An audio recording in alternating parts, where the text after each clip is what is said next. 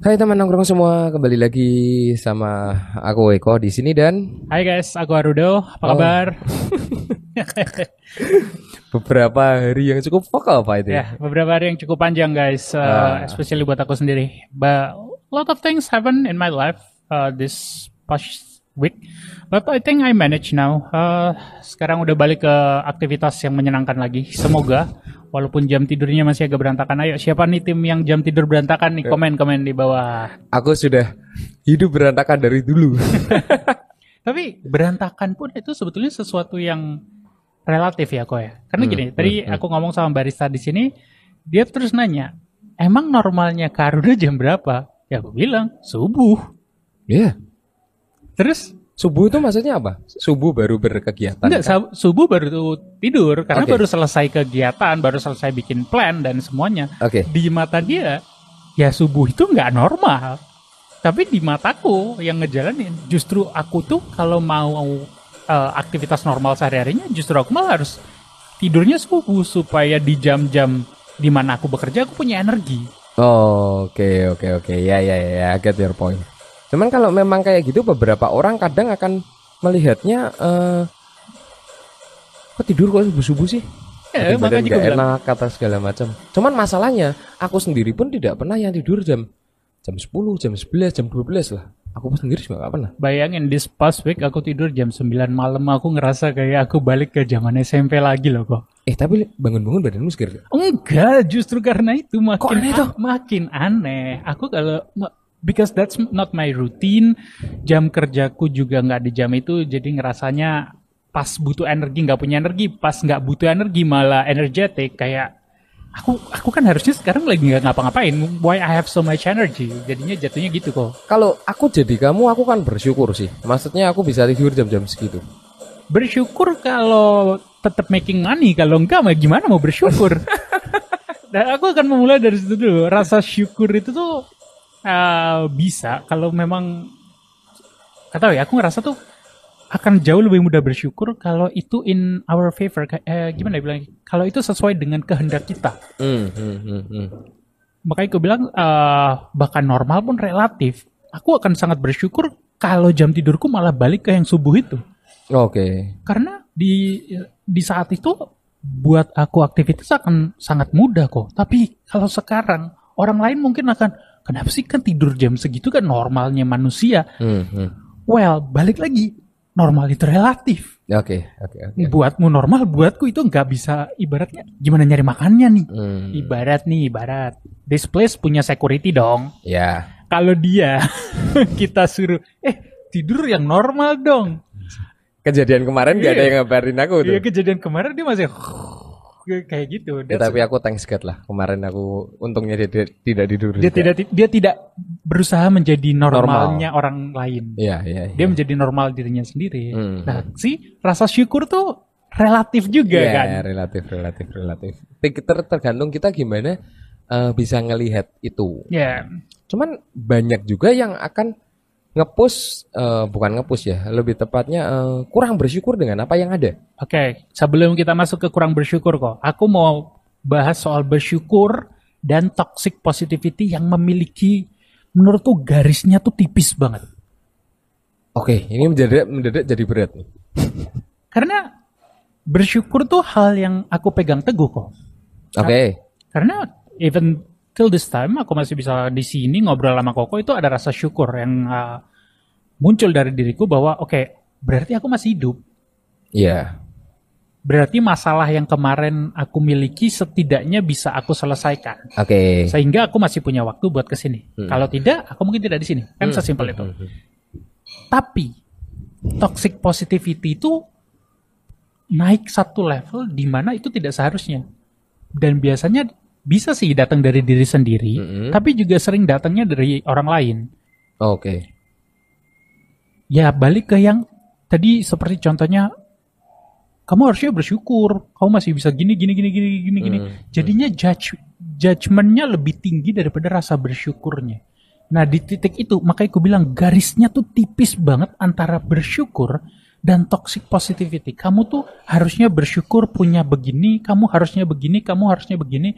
Jadi rasa syukur itu terkadang ngebuat rasa lapar kita atau rasa ambisi kita akan sesuatu langsung dimatiin karena kita harus bersyukur atas apa pun yang kita miliki. Bahasa Jawanya nerimo ya. Nerimo. Hmm. Iya, tapi gimana ya? At some point gini, kalau tertakar dengan baik jadinya bersyukur. Ketika sudah berlebihan dan judge masuk, Hmm. rasa menilai, rasa menghakiminya masuk Hmm. ke toxic positivity, bersyukurnya beneran kerasa banget hilang sih kok. Dan itu apakah memang eh, bisa dibilang di gray area abu-abu? Atau memang ada patokannya mana yang bersyukur, mana yang memang toksik?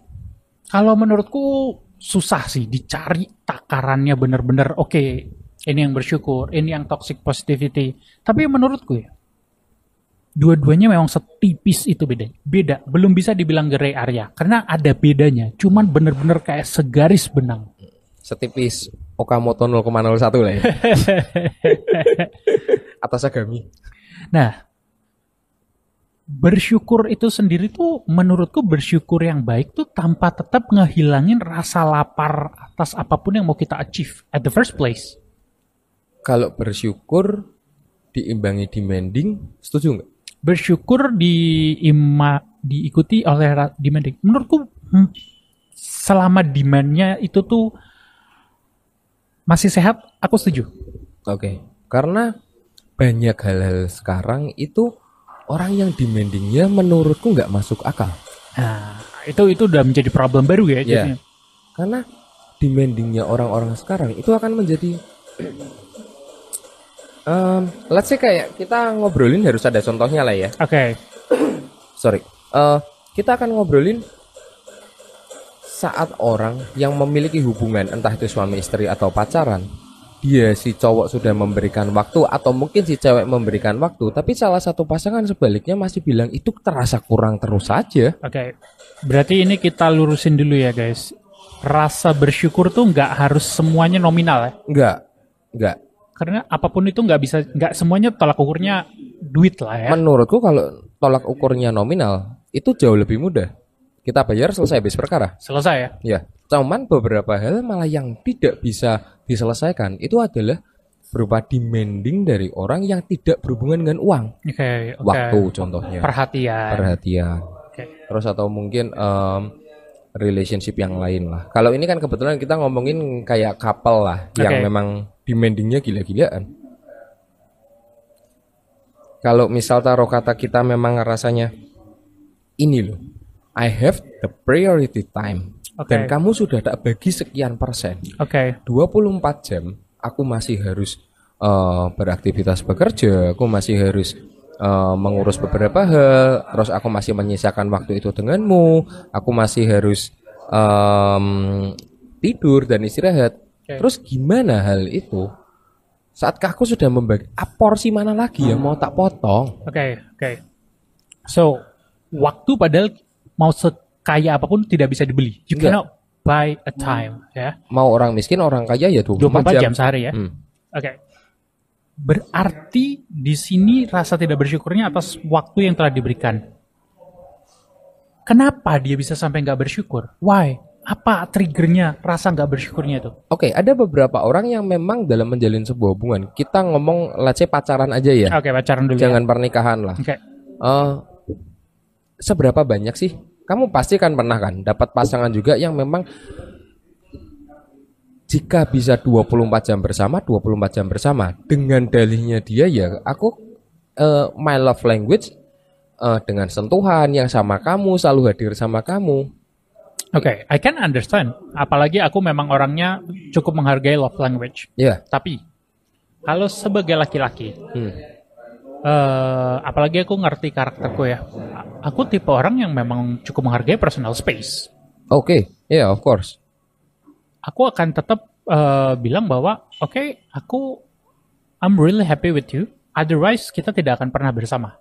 Dalam Hmm. artian kalau aku memang tidak merasakan rasa kasih atau rasa klik ketika bersamamu, Hmm. aku mungkin gak akan pernah mau denganmu. Tapi to be with you 24/7, it's so hard for me because uh, as I ever said di podcast-podcast sebelumnya bahwa aku tuh punya role-role lain loh di hidup ini selain cuma menjadi pacarmu, Iya, iya, iya. di mana aku masih harus tetap bermain role itu, nggak bisa cuma dia bilang kan kamu tetap bisa jadi pebisnis sambil tetap menjadi pacarku. Iya. True, that's why aku masih ngabarin kamu saat aku berbisnis.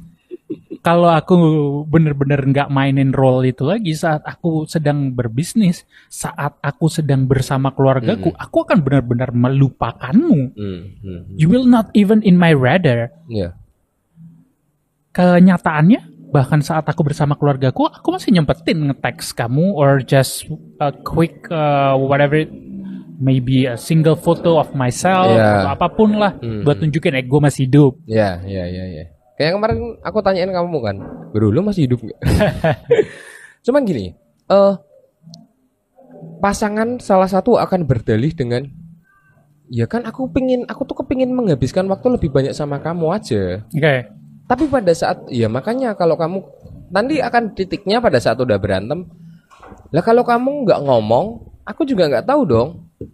Eh, cok, kita tuh udah ngomong. Kalau Oke. kita nggak bisa spend waktu sama kamu, kamunya aja yang nggak tahu diri. Masih Oke. minta request-request terus mulu perkara waktunya. Oke. Gini loh, bukannya kita tidak menghargai waktu untuk berpacaran lah ya Oke, ibaratnya. oke, oke.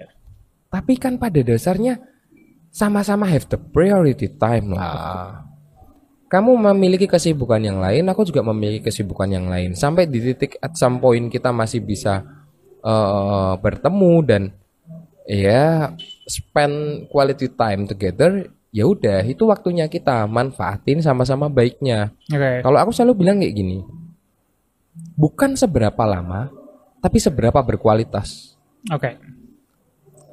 kamu nggak akan bisa ngukur ya aku kalau minimal ketemu sama kamu akan tiga jam kamu iyain tiga jam besok jadinya tiga setengah jam kamu iyain tiga setengah jam besok jadinya empat jam Oke.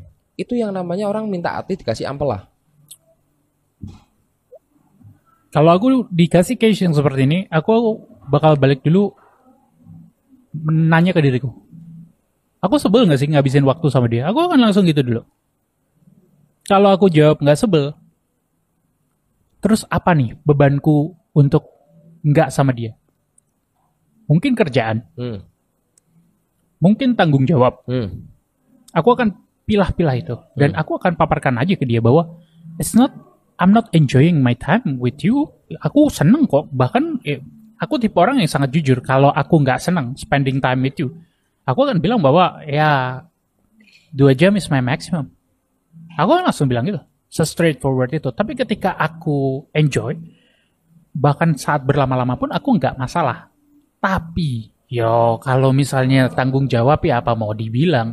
Kalau memang setelah I squeeze dalam 24 jam cuma bisa 4 jam, ya masa kamu minta 5 jam?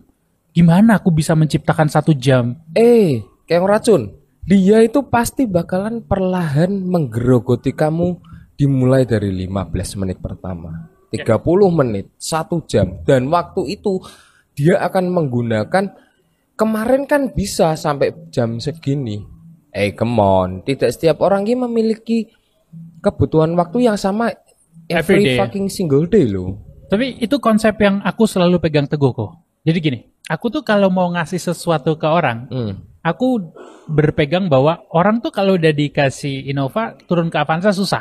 oh iya Itu kenapa if I ever give something dalam bentuk apa pun ke seseorang, aku ngu- mengusahakan minimal sama atau trennya malah naik. So kalau aku misalnya ngasih, aku sanggupnya sekarang, let's say Dua ketemu jam. partnerku dua jam, gak akan pernah mau aku lebih dari dua jam. Because I know next time she will ask more ya dan aku nggak akan sanggup. Maksudnya aku bukan contoh kalau orang tua kan ah buat nyenengin anak lah. Iya, iya. Kalau aku aku paham konsekuensinya. Hmm. Dalam tanda kutip nyenengin anak yang satu kali ini tertanam di memorinya. Kemarin bisa. ini kayak obrolan gini lah. Kita ngas, kita akan bicara sama orang segelas aja lah yuk minum. Nah, Kayak waktu itu lah ya, kita. ya, ya. Yuk segelas lah. Eh, chill tipis. Mm-mm. Ya akan berakhir dengan one battle. Saat begitu one battle selesai, hmm, I think more battle gonna be good. Ya. Oke tambah lagi. Kita kan itu itu hanya akan memberikan eh, orang hanya akan menuntut menuntut menuntut request dan request. Oke. Itu yang aduh.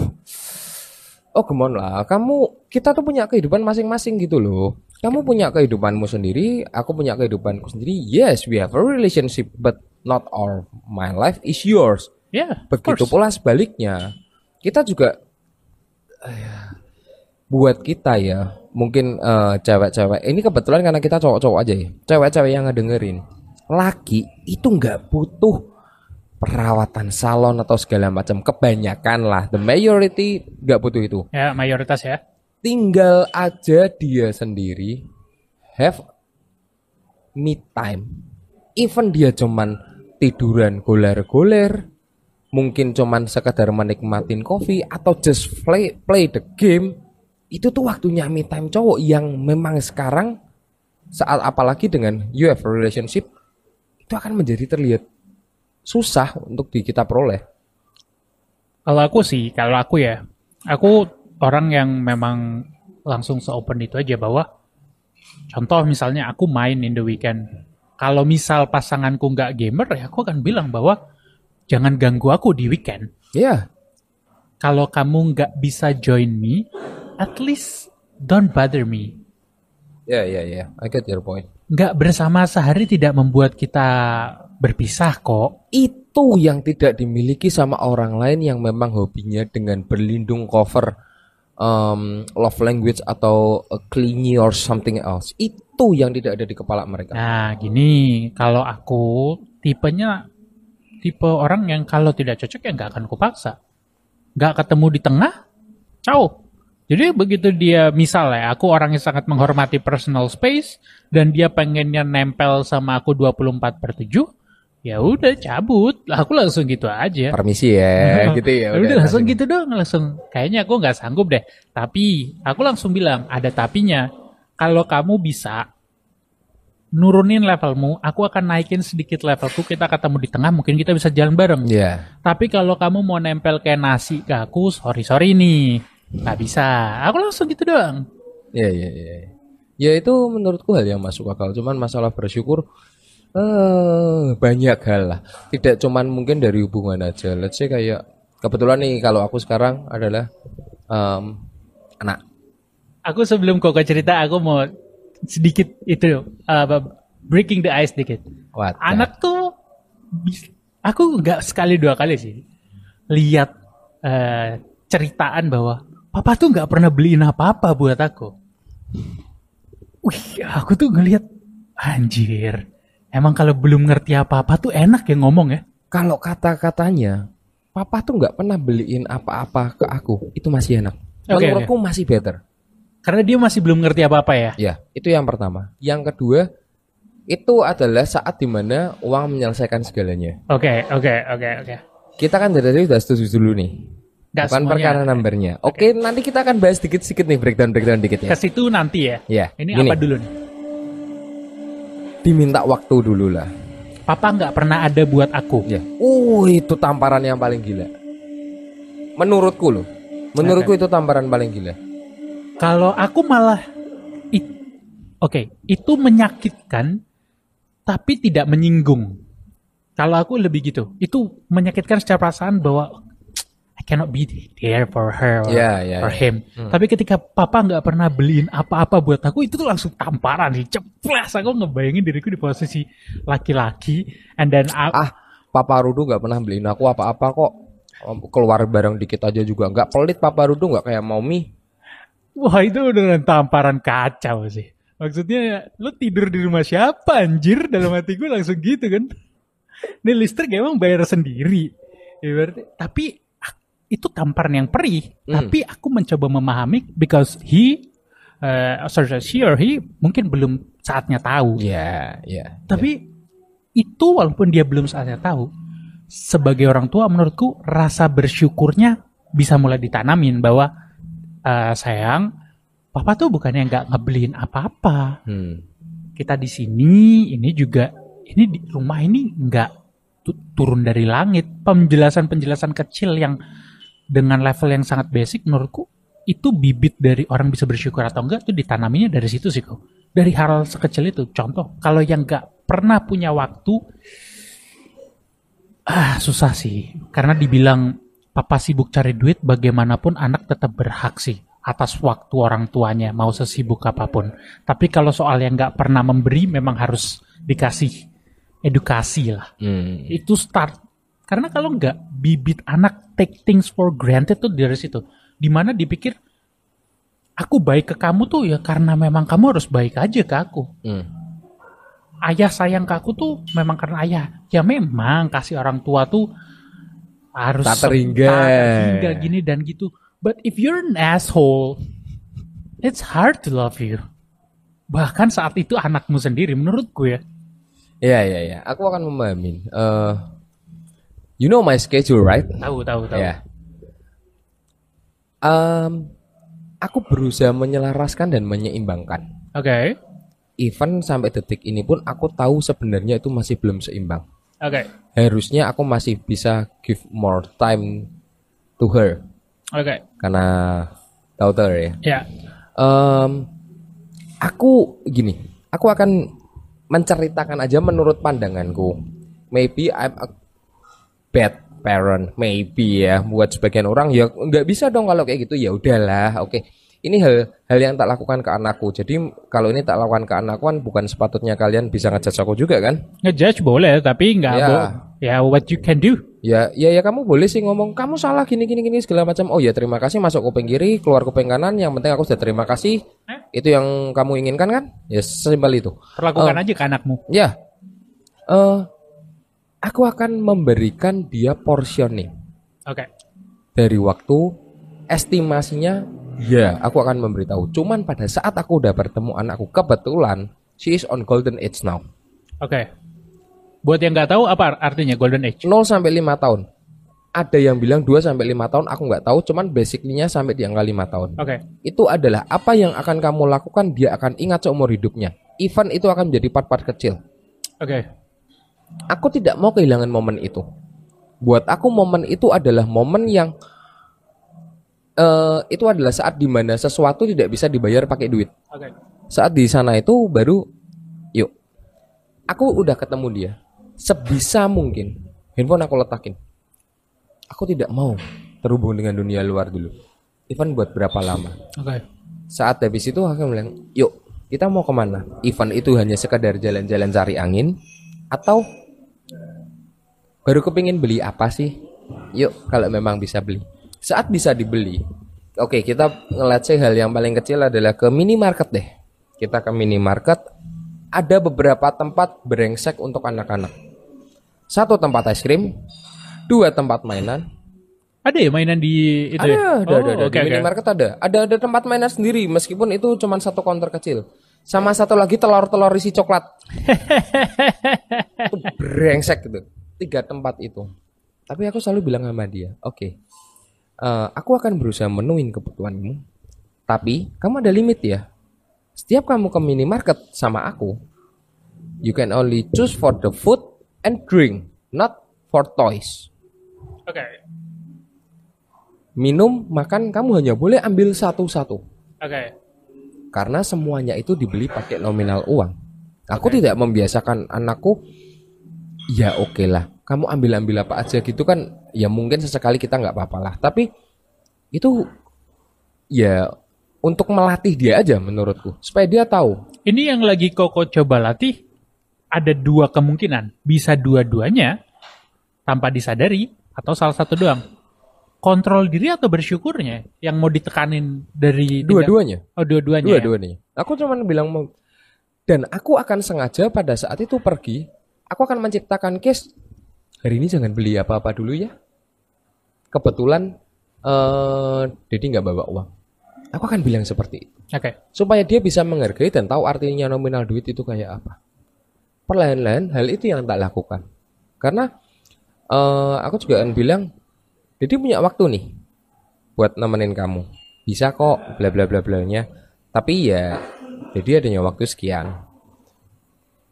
Saat waktu-waktu itu aku kebetulan tidak bisa, aku akan mereplace. Let's say kayak kemarin hari Minggu, aku biasa ke sana jam berapa? Aku siang sorean aku akan ke sana dulu. Oh. Aku akan bermain dengan dia dulu. Sampai di siang atau sorenya aku udah bilang, Dedi, hari ini datangnya siang sampai sore saat malam hari Dedi harus bekerja. Do you understand? Oh iya. So kalau Dedi izin pulang nggak boleh nangis. Ya dia tahu konsekuensinya. Nah hal-hal kayak gitu yang aku beritahu eh, ke dia. Karena aku takutnya anakku ke depannya dia bakal demanding. Nah, berarti kontrol diri dan rasa bersyukur tuh memiliki keterikatan ya.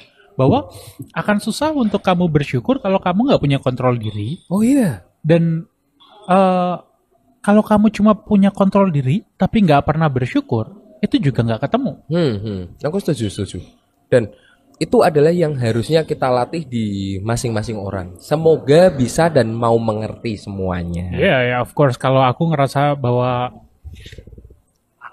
hal yang memang awalnya aku sesali adalah takes my family for granted sih kok. Itu jujur aja bahwa Hmm, hmm, hmm, hmm.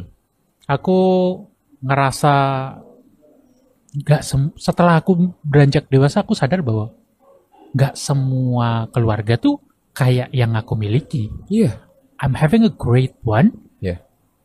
dan ini tuh dibangun enggak asal maksudnya enggak semua langsung brojol langsung hubungannya sebaik ini. Iya, iya, iya. Ketika aku memiliki ini, ini harus sesuatu yang aku syukuri dan aku jaga. Hmm. But sebelum paham konsep itu kok, I take it for granted. Aku kayak ngerasa ya kakak sebagai kakak ya harus gitu dong ke adik. Iya. Sebagai mami harus gitu dong ke anak. Sebagai ayah harus gitu dong. What I hope juga your daughter bisa memahami konsep bahwa ayah yang baik begini dan aku bersyukur mendapatkan ayah seperti ini. Iya. Jadi dia memiliki kontrol diri dan rasa bersyukurnya. Hmm.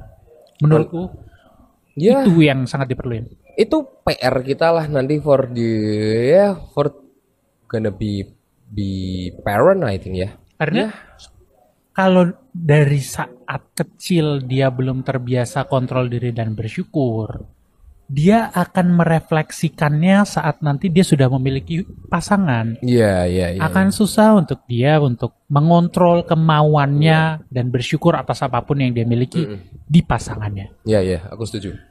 Ya apa pun itu kita sudah bilang masalah masalah bersyukur. Aku juga bersyukur akhirnya eh we can take more karena dalam minggu kemarin you gonna be fuck up. Semoga ya itu pakep-pakep yang jarang terjadi lah. Oke, eh mungkin kalian ada perkara apa nih? Ada atau di circle kalian ada perkara orang yang kurang bersyukur kayak apa nih khususnya sama kalian? Leave Atau the yang comment. maksa kalian terlalu bersyukur. Iya, atau yang maksa kalian terlalu bersyukur, leave the comment. Eh, semoga kita bisa bahas juga. Eh, buat yang mungkin ada ingin yang dibahaskan atau segala macam, bisa langsung DM aja di IG kita di Crayon Creative Media atau mungkin leave comment di YouTube kita Crayon Creative Media.